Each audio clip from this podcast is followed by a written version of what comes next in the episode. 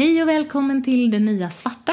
En podcast om popkultur, finkultur och litteratur. Dagens Nya Svarta är Skuggorna av Mart, Backateaterns föreställning av Mattias Andersson. Karin heter jag och här har vi Lina. Hej! Hej! Eh, så nu så, så tänkte jag att vi ska prata om någonting som vi har sett, läst eller lyssnat på. Mm. Eh, och jag tänker att jag ska börja så hinner du tänka ut vad det är du ska prata om. Mm. Och jag tänkte prata om, ja, alltså det som förut hette radioteater och som nu heter typ radiodrama eller audiodrama. Eh, för jag har lyssnat väldigt, väldigt mycket på podcaster men då inte på fiktiva podcaster utan på andra podcaster. Och jag har precis, precis börjat fatta att oj då, det finns ju massa radioteater eller ja, radiodrama mm -hmm. i podcastformat. Mm -hmm. eh, och då tänkte jag prata lite kort om två stycken som eh, är jättebra. Eh, en är eh, svensk och utgiven av SR eh, och heter De dödas röster. Skriven av Sara Bergmark Elfgren som ju skrev eh, tillsammans med Mats Strandberg de här cirkelböckerna. Mm. Har du mm, läst dem? Ja, de har jag läst. De har jag läst också. De kan vi också prata om någon dag. Ja. det är så mycket man kan prata om. Den handlar om ett gammalt dödsfall på 90-talet eh, och utspelar sig i nutid men då även i dåtid i form av ljudband. Eh, och är en väldigt, väldigt mystisk och spännande och handlar om rollspel egentligen lite grann kan man väl säga. Det är en grupp eh, ungdomar som spelar rollspel och eh, en av dem dör oförklarligt. Och det handlar liksom om efterspelet till det och också om en av kompisarna där i gänget som eh, blir journalist när hon blir vuxen och som gör en, eh, en dokumentär mm. om det här. Men den, och det är jättespännande. Eh, vi, jag ska inte spoila någonting men, men jag kanske inte var lika nöjd med slutet som jag var med resten. Okay. Men det, så är det i och för sig ofta. Men det, det finns på SR mm. Eh, att hitta. Så det är en. Eh, och sen eh, en amerikansk podcast eh, som heter The Bright Sessions. Eh, som är jättebra och finns i, tror jag, tre säsonger, fyra säsonger, något sånt. Alltså ganska mycket material. Eh, och som handlar om, den börjar i eh, en psykolog som annonserar, efter, annonserar lite sådär kryptiskt efter att hon kan ta emot folk med eh, ovanliga problem eller ovanliga förmågor eller något sånt. Och hon... Eh, och det visar sig att det finns människor som har eh, olika typer, alltså som, lite som X-Men, de har olika mm. sorters förmågor. Så den första personen som hon tar emot och som har svarat hittat den här annonsen. Eh, och så är det deras terapisamtal som är första avsnittet.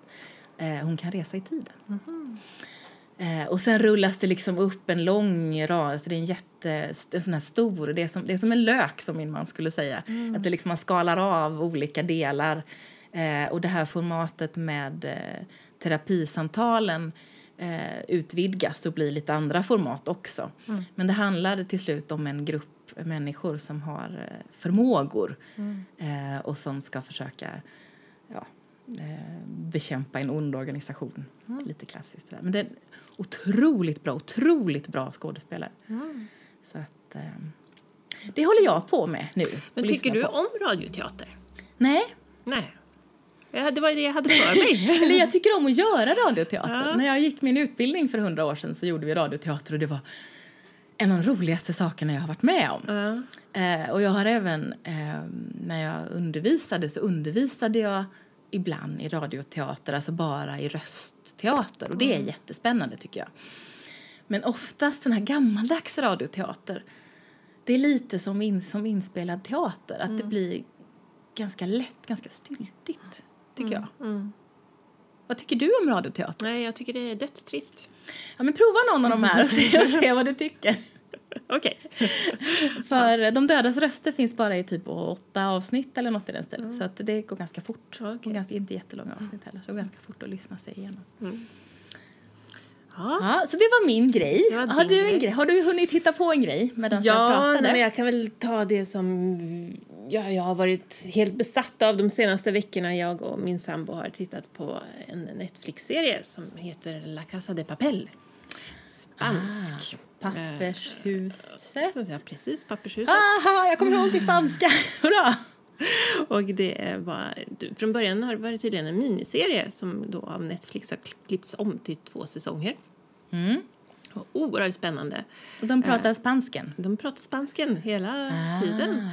Och eh, enligt min kollega som, kommer, som kan spanska betydligt bättre än vad jag kan så är det inte en spanska man bör lära sig.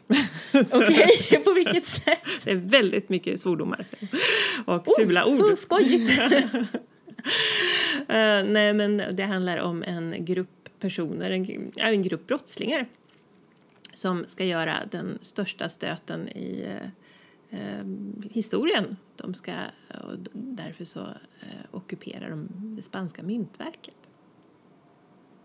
Okej. Och så får man liksom följa dem under de dagar som de är där tillsammans med sina gisslan och eh, försöker göra den här stöten då. Och jätte, jättespännande, otroligt man måste säga väldigt välklippt av Netflix. Det blir väldigt mycket cliffhangers. Okej. Man kan lätt klämma ett antal avsnitt per Ah. dag. Mm. Så, och väldigt roligt att se en spansk serie också. Sen Ja. så måste jag bara varna lite om det är någon som tänker eh, titta på den här. Precis som i till exempel Game of Thrones så är det väldigt eller en- är det en hel del omotiverad kvinnlig nakenhet. Okej. Och det är ju lite påfrestande. Men om Mm. man kan strunta i det så är den väldigt spännande. Är det våld också och blod? Ja, Eller är det det är det ju. Lite grann. omotiverat? Eller Alltså inte motiverat? jättemycket, det skulle jag inte säga. För att de är ju ändå... Vad ska jag säga? De har, han som har planerat stöten har ju en idealistisk tanke.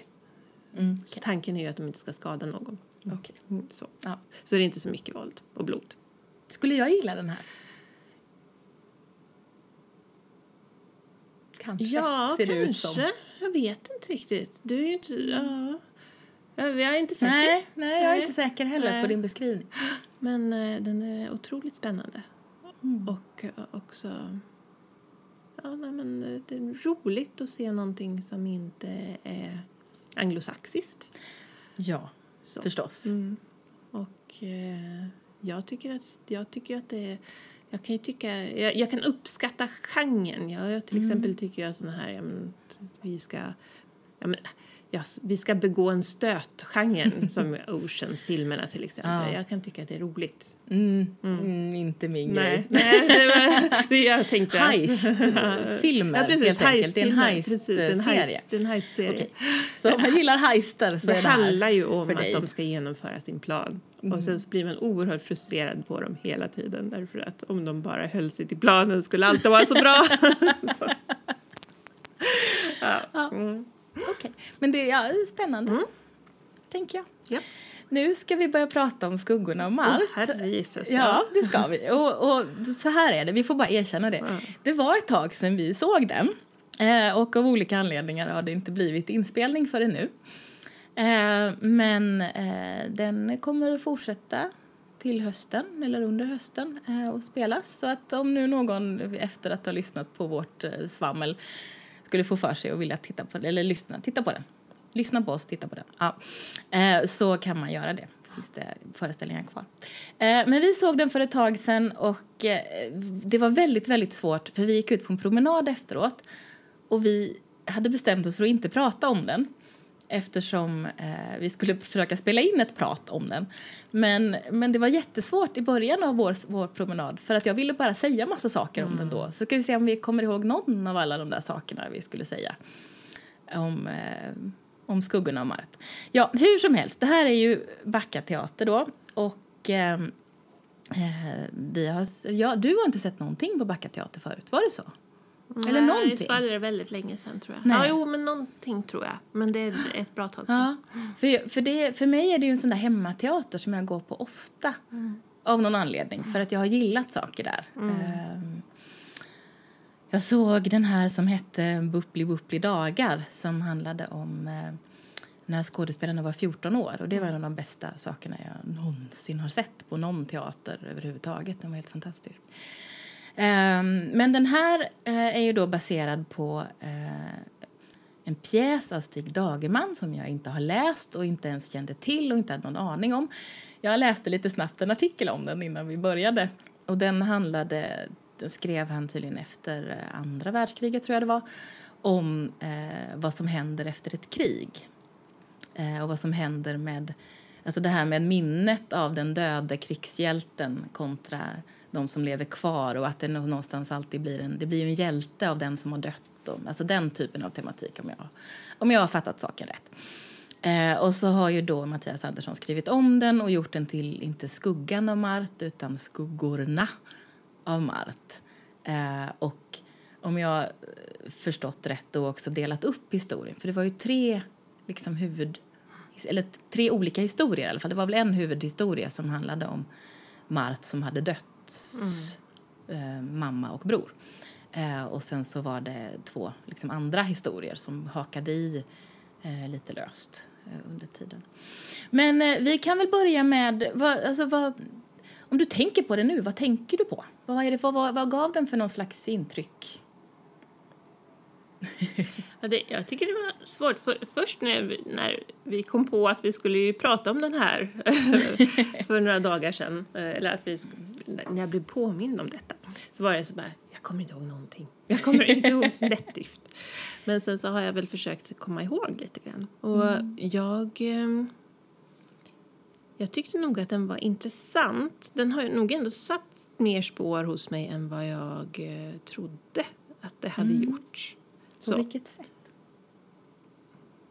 Ja, alltså det var ganska intressant. Fram, framförallt var det ju två stycken av historierna som var ganska intressanta. Eller som var mm, intressanta. Mm, vilka tyckte du var mest intressanta? Ja, det, det, det var väl de som var lite mer lättillgängliga kan jag tänka mig. Det var ju, det var ju Marts brors mm. historia och den här tjejen Saras historia.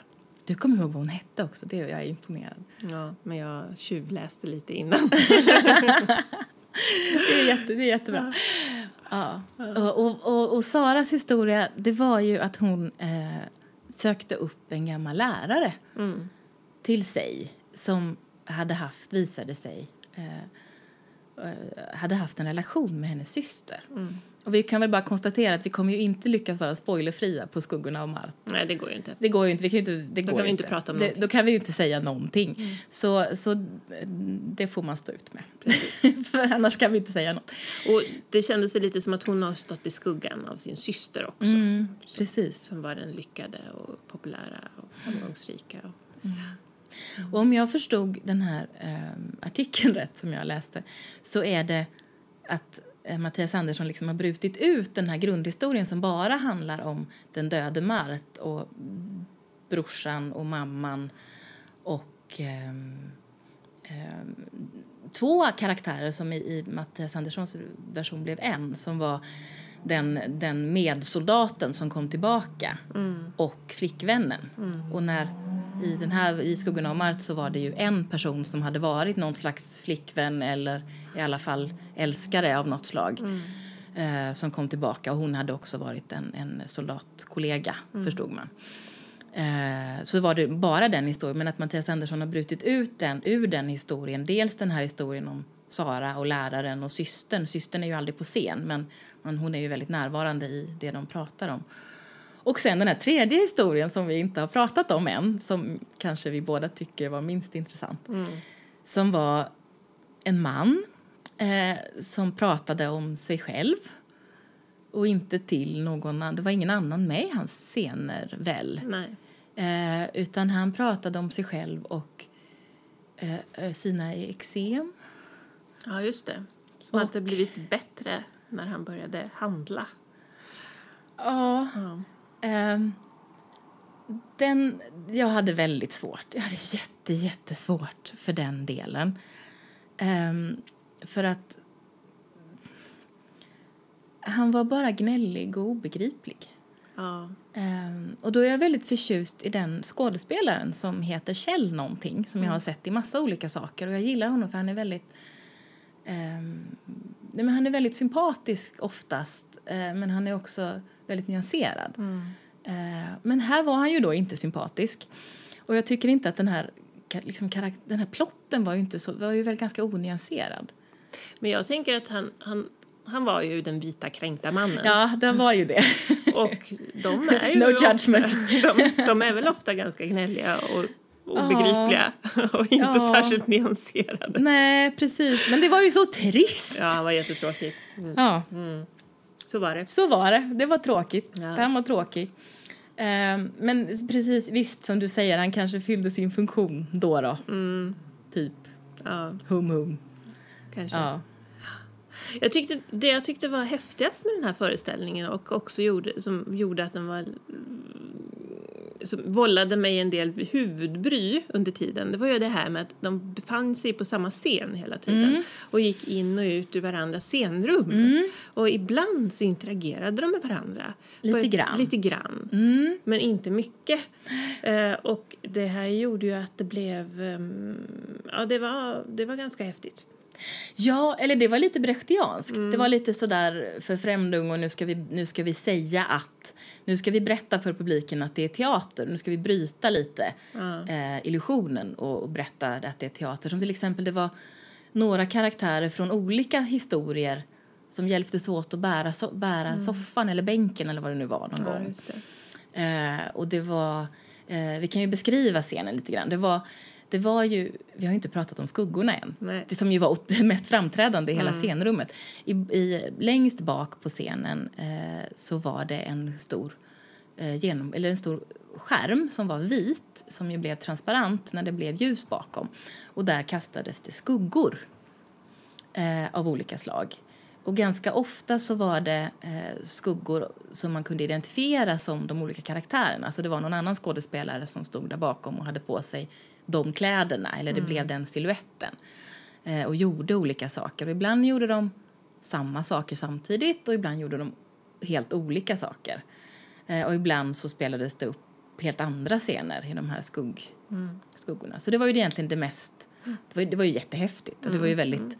och väldigt generellt sett väldigt bra, häftigt gjort. Um, och resten av scenen var ju, det var ju en tjock matta. Mm. En tjock grön matta var det va? Ja, Eller var det en turkos? Den var ja. grön tror jag. Som täckte, som var som en stor rektangel liksom framför den här skuggboxen. Eh, och sen var det eh, en soffa och en fåtölj. Och en bänk. Och en bänk på ena sidan och mm. frågan om det inte var någon slags bänk eller stol eller något på andra sidan också. Det var något mm. slags sittplats tror jag på andra sidan också. Um, och så var det en dator.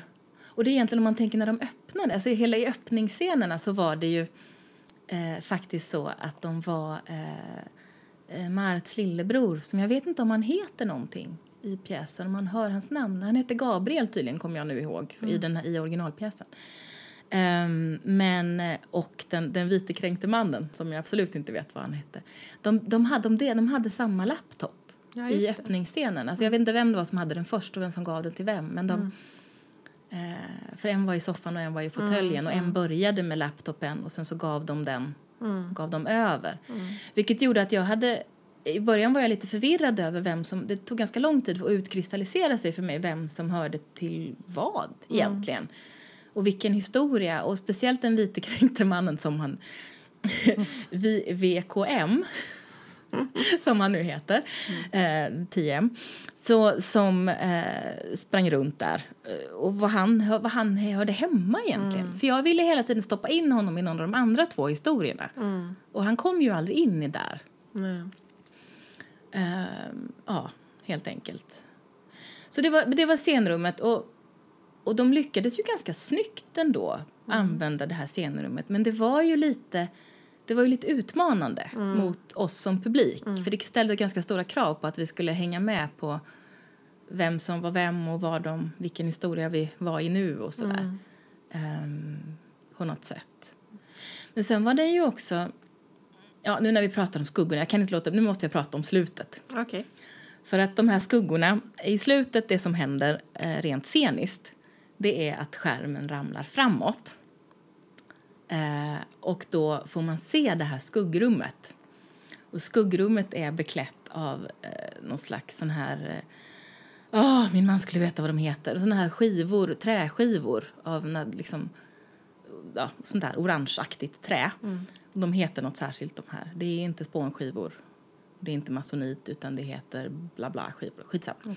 Mm. Um, och det var jättefult tyckte jag. Jag blev alldeles upprörd över hur fult det var.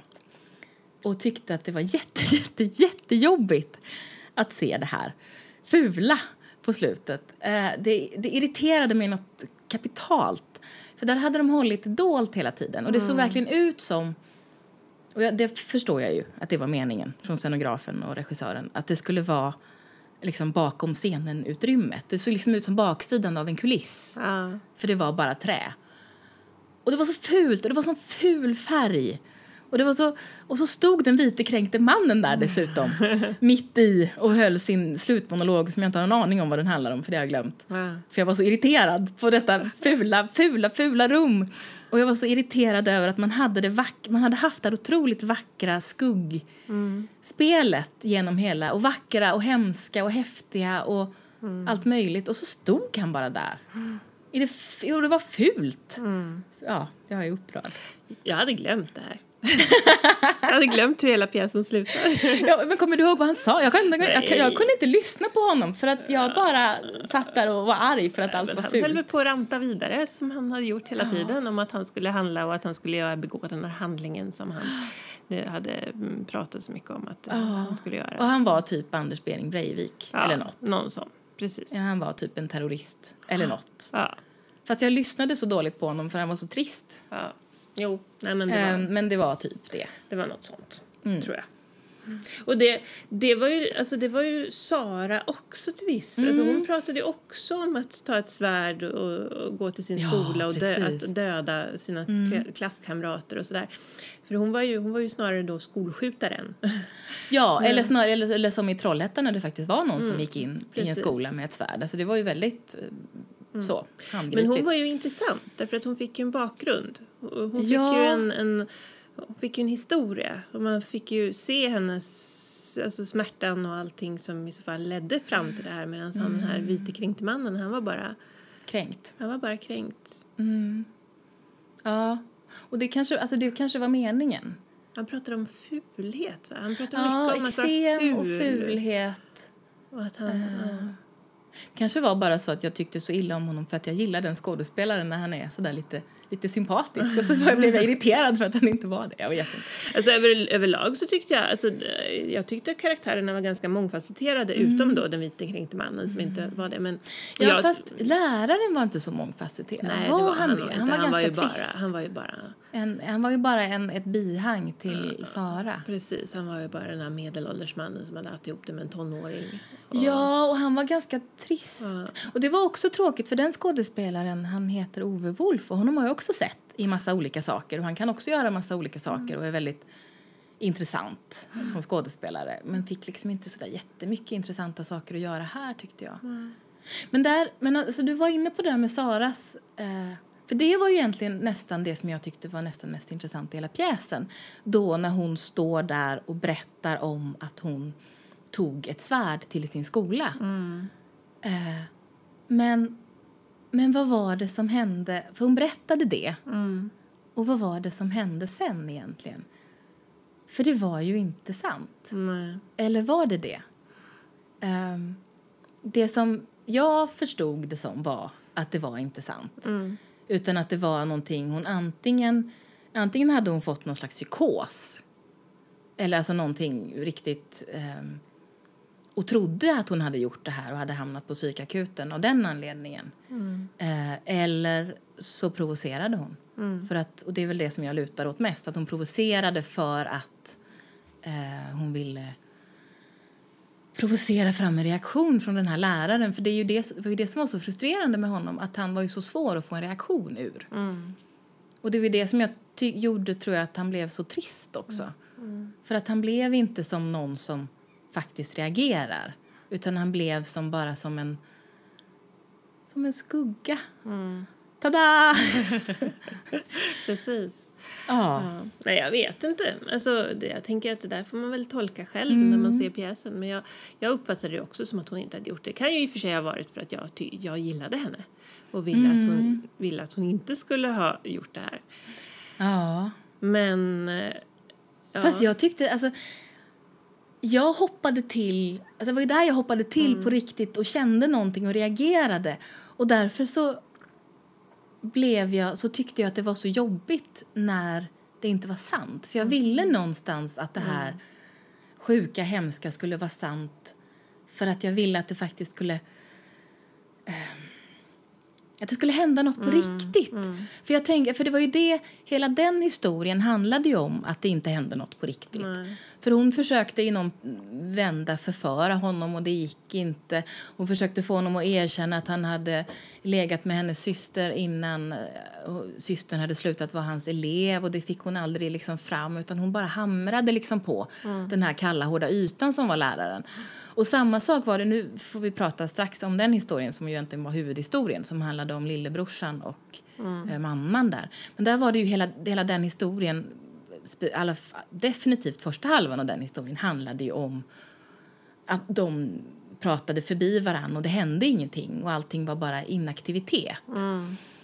Och det var så frustrerande och därför tyckte jag att det var lite skönt när det faktiskt hände något och det hände något jättetraumatiskt och hemskt och dramatiskt. Och sen så bara backade de det. Och det, jag tyckte att... Ja, det var, jag tyckte det var jobbigt. Men det där är ju en annan, alltså en annan sak som jag tycker är spännande och där jag... Alltså det här när man sympatiserar med en karaktär och av den anledningen kanske inte vill... Alltså vill, kanske vill se dem som goda eller kanske vill se dem som lika en själv. Ehm, som jag ju var till hundra procent i mitt tonåriga läsande till exempel och tittande och allt möjligt. Där jag hade väldigt svårt för att, att eh, när en karaktär som jag gillade och identifierade mig med gjorde någonting ens lite pinsamt.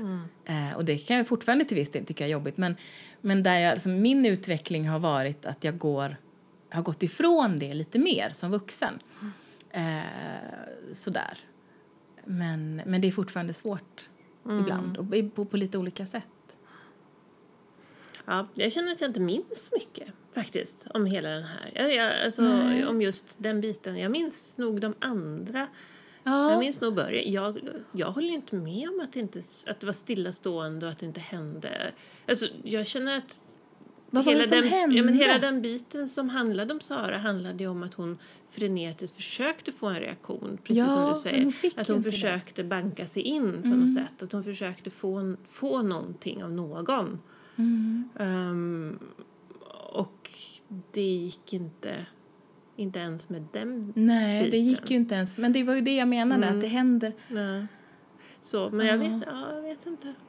Det, ja, pjäsen handlar väl också en del om stillastående. Ja, jo men det gör den. För det, det är ju Marits Mm. lillebror är ju väldigt passiv. Ja, vi kan ju gå in på den, för det var ju egentligen det som var huvudhistorien. Mm. Eh, och han, han, han var ju... Första delen av den historien, eller liksom första biten, handlade ju om väldigt mycket att han inte gör någonting och hans mamma är frustrerad för att han inte gör någonting och jämför honom med Mart som ju som hon i henne, från hennes perspektiv blir eh, någon slags super ja, en superperson. Han var alltid eh, liksom idealet. Och det är ju alltid det är, det är svårt att tro på att det faktiskt var så när han levde. Men i alla fall så här efter hans död så har han blivit det. Ehm, och där tycker jag väl också att där, där blir ju ändå lillebrorsan blir ju någon slags ehm, person som med en ganska mycket ehm, alltså ganska mycket, lite barnsligt nästan, lillebrorsartat försöker eh, försöker vara mamman till lags. Alltså försöker vara det som hon behöver och försöker vara som sin storebror och försöker göra det här konstiga trolleritricket som Malt alltid brukade göra. Och så blir det fel och så kommer det glassplitter i heltäckningsmattan. Vilket, eh, alltså det, Han försöker... ehm, han försöker på något sätt, han försöker på något sätt kanske bli Mart men han har ingen kapacitet Nej, precis. till det och, inte någon, och naturligtvis ingen som helst kapacitet till att leva upp till mammans förväntningar som ju är eh, helt orimliga eftersom hon har någon slags idé om Mart som, som inte fanns. Alltså, För hon har glorifierat honom. Något så till den milda grad. Och där kände jag verkligen att det inte, att det inte hände så mycket. Nej, men sen så... Och sen visade det ju sig att Marit inte var så himla... Nej. fantastisk. Förstås. För Naturligtvis. Att, liksom, vem, vem kan leva upp till det där? Ja, precis. För sen kom ju, eh, sen började ju hända mera saker när ehm, medsoldaten, när hon kom in och började Ehm, och egentligen som kom in och skulle liksom hälsa på lite grann och bara prata lite med dem och så visade det sig då att hon och Marit hade haft en relation ehm, och hon det är nästan det förutom det här med svärdet och den det irriterande slutet där jag blev bara arg för allt var så fult så är det nästan det jag kommer ihåg mest när hon eh, står och bara säger en massa fula ord. Det kommer jag inte ihåg Det kommer du inte ihåg alls. Därför att jag satt där och tänkte, ja, ah, vad bra, det här är riktat till gymnasiepublik. Mm, Okej, de kommer tycka att det är kul med fula ord, vilket ju var otroligt simplistiskt att tänka av mig, för det finns massa andra saker som de kan tänkas vara intresserade av. Men jag tänkte så här, ah, ja men vad bra, de tycker det är coolt med fula ord. Undrar om det är därför, det, alltså det var ju lite också, undrar om det är därför de har lagt in det här för att det tilltalar dem på något sätt. För var det inte, nu ska vi se, nu, det här kanske jag kommer ihåg helt fel. Och då i så fall så får jag be om ursäkt. Men var det inte så på något sätt att hon sa fula ord men var det inte så att Sara hällde ur sig en massa fula ord också och lillebrorsan hällde ur sig det också i någon vända? Jag minns inte. Jag tror- Ingenting. Ja. Jag, för det var någon slags scen när de var liksom, samtidigt fast inte. Ehm, och, häll, och liksom öste ur sig bara. Uh, massa fuck eller vad de nu sa, jag kommer inte ihåg. Men, ehm, och Lina ser ut, vi skulle se Linas ansikte, hon är som ett, som ett papper. Så jag, jag har ingen aning, jag vet inte vad du pratar om. blank. Jag kan inte minnas en enda svordom. jag kommer ihåg den här konstiga latin, eh, liksom, dikten på latin. Eller, eller vad var det för någonting? Den, så, nej, nej, den här dikten som Sara ville få översatt till latin. Ja, oj, Den- det här hade jag glömt bort. Ja, den kommer jag ihåg. Ja, som det hon hade ju- skrivit. Hon hade skrivit den, det. men även de andra Jag har för mig att den förekom i de... Nej. Nu, Nu är vi inte vi prata ute på okänt vatten. Jag tänker att, att rätt vad det är så är det någon som lyssnar på det här som kommer ihåg hur det här var eller som, som har jobbat med den här pjäsen. Och, oj, oj, oj, vad vi får be om ursäkt. Ja. För nu är vi ute och Vi tassar lämnar- vi lämnar där dikten. Mm. vi inte vet och vi kommer inte ihåg. Eh, men, den, jo, men den här dikten, eh, eller hon ville hon få översatt till latin av sin latin, för han var hennes latinlärare. Ja. Ehm, och, och han ska översätta, eller hon ber honom att översätta någon slags dikt eller historia eller något. Och historien handlar om, Det Vadå? kommer vi inte ihåg. nej men det är något provocerande, eller hur? Hon försöker få honom att översätta något som, hon, som han tycker är provocerande så han ger upp typ nästan på en gång. Ja, något sånt. Något sånt. ja. Hur som haver, då ska vi se Det är här. inte detaljer som har stannat kvar i minnet Nej, så länge men så kan man säga. Det, det kan hända. Men någon som faktiskt, alltså den karaktären som jag faktiskt berördes mest av, Mm. av alla i pjäsen, det var faktiskt modern. Mm. Jag tyckte att hon var mest intressant. Mm. Jag tyckte att hon var väldigt, väldigt skicklig, hon som spelade modern. Mm. Ylva Gallon, hon är Ja, fantastisk, tycker jag också. fantastisk. Jag tyckte att hon var... ehm, ja, men jag, jag, jag tyckte väldigt mycket om den här blandningen av en person som var galen av sorg, som hon ju var. Mm. Eh, och eh, när det ibland bröt igenom ehm, den normala kvinnan som ju fanns där bakom Mm. all sorgen, alltså galenskapen alltså, och sorgen. Jag, tyckte, jag tyckte att hon Mm. var väldigt intressant och, och, jag, och hon var en Ja. njutning att titta på. Mm. Ja, men, ja, men precis. Hon är väldigt... ehm, ja, hon är en väldigt behaglig skådespelare, men hon, det var en väldigt... ehm, det var en karaktär som man hade väldigt sympati för. Trots att hon var så eh, otroligt märklig mot sin son, eh, sin levande son. Eh, hon, hade ju, hon hade ju ingen sympati för honom. Utan hon var ju, som du säger, på något sätt innesluten i sin egen sorg. Eh, och försökte väl bara upprätthålla någon slags illusion av normalitet. Och det, och det, jag håller med dig om det. Jag tyckte också att, att skådespelaren gjorde det på ett väldigt, eh, på ett väldigt fint sätt. Att man såg, man såg på något sätt det här gal, liksom, tokigheten och samtidigt så skymtade man henne under mm. den person som hon egentligen var. Um, jag tror att det som, det som jag tyckte var lite jobbigt med den karaktären det var att jag tyckte att hon fick för lite plats. Jag hade velat... Um, jag tyckte att hon var så intressant. Uh, så jag hade velat ha mycket mer utrymme för henne och mer utrymme för hennes inre demoner och uh, så. Mm. Um, för att om man liksom ska tänka, pjäsen handlade ju kanske egentligen om lillebrorsan som kanske heter Gabriel. Ju, jo. kan man väl säga. Det var ju han som var den huvudprotagonisten även om det var många eh, viktiga karaktärer. Och han, eh, och han var ju så... Eh, han var ju så vek. Mm. Jag menar, han var ju sympatisk på många sätt eh, för att man förstod att han också var i sorg och att han var i en väldigt, väldigt konstig situation. Men men han var så vek och jag har så svårt för veka människor som är så där. Alltså, han var ju så passiv också. Ja. Han kunde inte ens gå och öppna en dörr. Liksom. Nej, precis. Mm. Och då var han ju på något sätt sinnebilden av den där tonåringen som ligger i soffan och äter chips och gör ingenting och vill ingenting och blö, blö, blö. Um, och, och det kanske var någon slags idé där med passiviteten för den hade ju um, VKM-mannen VKM menar jag, nu blev det taftologi, eh, hade ju också det. Eh, att han var, han var ganska passiv. Han, lite kände, han, han, I det vi fick se så gjorde han ju just ingenting. Han bara pratade om saker. Mm. Eh, och, och eh, lillebrorsan var ju också väldigt passiv väldigt länge. Eh, och det är väldigt frustrerande. Men jag tänker att någonstans så, så kanske det är någon slags idé om vad det handlar om. Att den här passiviteten eh, kan gå över i olika former av galenskap eller illdåd.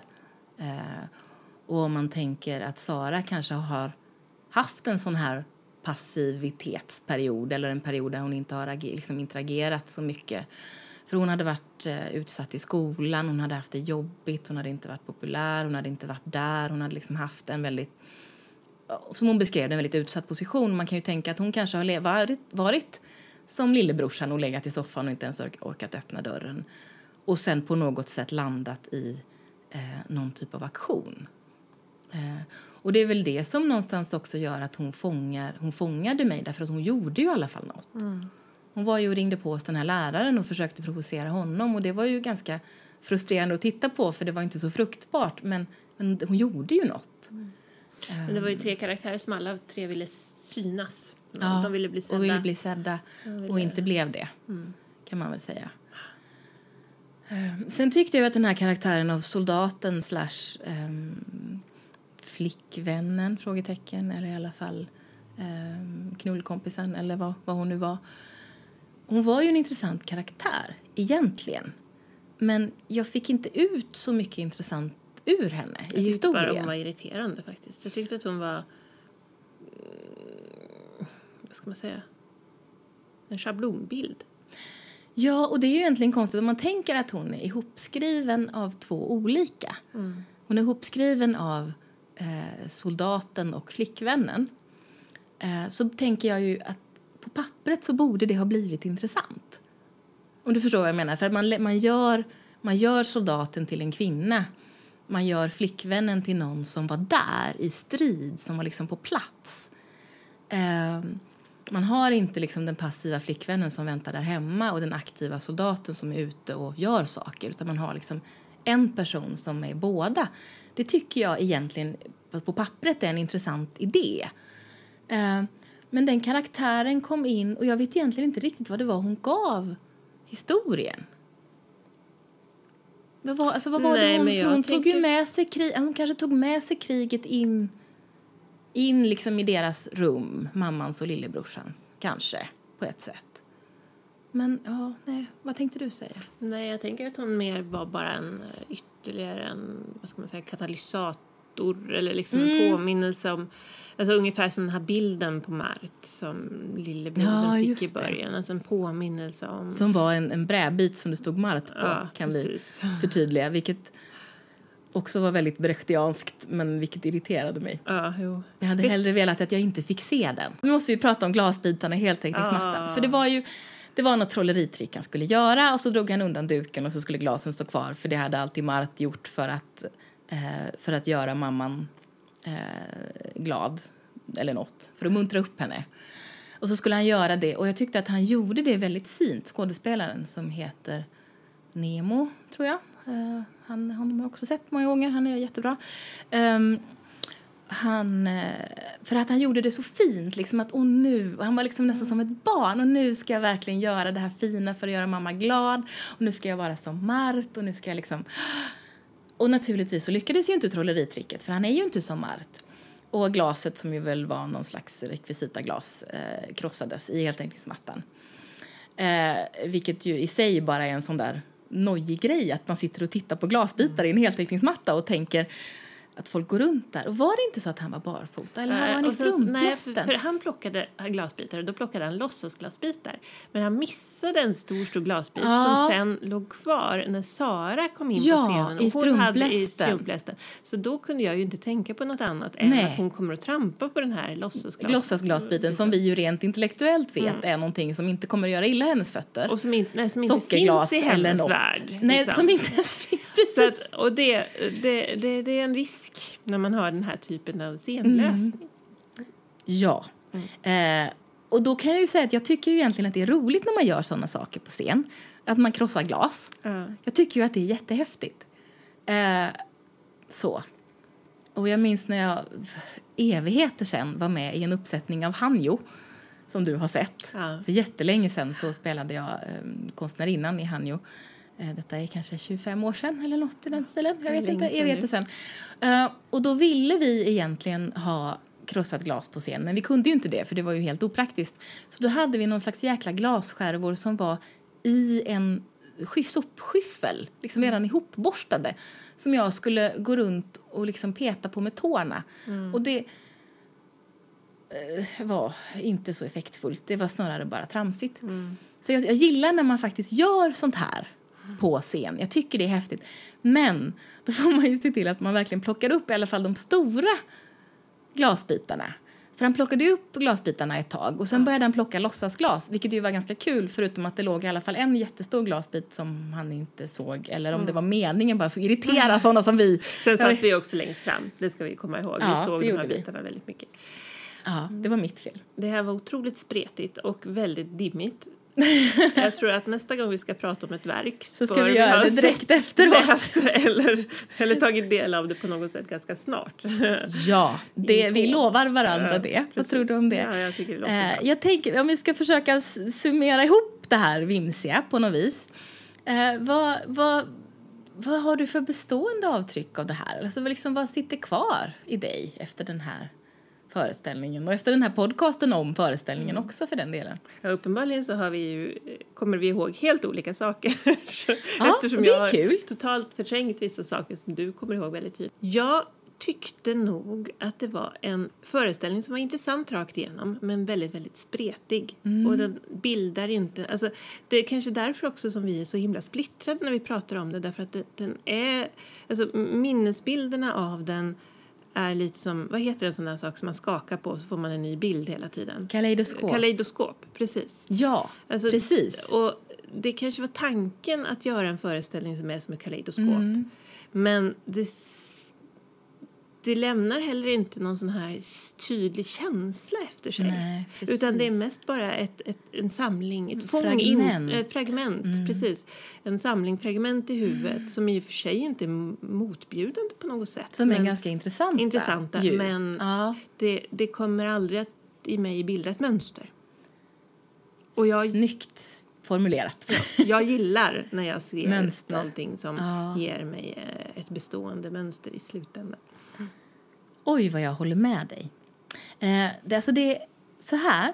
Det är så intressant för att eh, det enda som du fick säga för mig innan jag sa åt dig att du inte fick säga något efter pjäsen så sa du jo, men jag gillade den, sa du. Och i den stunden så kände jag fast jag gillar den inte alls. Och sen eh, så tror jag att tiden har gått lite och det har landat eller inte landat och funnits kvar och inte funnits kvar. Och nu tror jag att vi kanske är lite mer på samma ställe. Därför att jag gillade den inte just för att den var så fragmentiserad och jag hade svårt att få ihop någon slags helhet av det. Uh, och just då, i den stunden, precis efteråt var jag fortfarande alldeles upprörd över den här fula, fula, fula slutbilden med det fula, fula träet som var överallt som bara gjorde mig arg. Uh, vilket ju kanske inte var helt proportionerligt för det var bara en liten stund på slutet.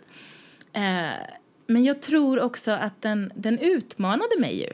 Och det är ju bra. Det är ju det jag vill att teater ska göra, eller alltså vad det nu än är som jag tar del av, att det ska utmana mig. Eh, Så att det utmanade mig så att jag blev lite obekväm och blev irriterad på passiviteten, blev irriterad på eh, VKMs gnäll, blev irriterad på att läraren liksom aldrig gav någon respons. Eh, och nu inser jag att jag just har räknat upp tre män som jag blev hemskt irriterad på för att de inte agerade. Mm. Och jag tror kanske att det var det, den liksom irritationen som säkert var meningen att jag skulle bli irriterad på. Eller hur? Ja, antagligen. Um, så. Och då... Uh, och det skapade ett obehag i mig eh, som gjorde att jag kände att oh, okej, okay, liksom, vem, vem kan jag tycka om i det här? Och det måste jag ju inte, men någon måste man väl tycka om, eller någon vill jag gärna tycka om lite grann. Mm. För att lättare kunna ta till mig vad sjutton man vill säga med någonting. Vad man nu vill säga. Eller vad jag nu kan få ut av någonting. Eh, sådär. Och då tror jag, och då var det ju mamman och Sara som var de, och till viss del lillebror, som var de som jag liksom kunde hitta sympatier för. Och de var ju allihopa väldigt... Eh, de hade ju sina fel och brister, vilket ju var bra, men vilket ju också gjorde dem svårare att tycka om. Mm. Eh, så det där är svårt. Ja. Mm. Jag tror också att mm, något jag tar med mig är ju att det var väldigt duktiga skådespelare. Alltså, det var det ju. De, de gjorde... Det var en glädje att titta på dem ja. trots att jag kanske inte egentligen uppskattade pjäsen. Hela historien mm. och hela pjäsen. Nej. Jag, den enda skådespelare jag hade lite svårt för eh, det var hon som spelade eh, soldaten mm. slash flickvännen. Och det kan mycket väl ha att göra med att jag hade svårt för hennes roll och för den och att den kanske var, just eftersom den var ihopskriven av två andra roller så kanske den inte var... Det var kanske därför den blev lite schablonig och inte så... Den var väldigt svår att förstå sig på. Det var väldigt svårt att förstå sig på den karaktären. Och förstå sig på, alldeles oavsett liksom, sympatier så var det svårt att förstå sig på liksom, vad, vad var grejen och vad var motivationen. Vad var, varför kom hon till Mart, Marts mamma och lillebror egentligen? Vad var det hon ville med det? För det tycker inte jag framkom riktigt.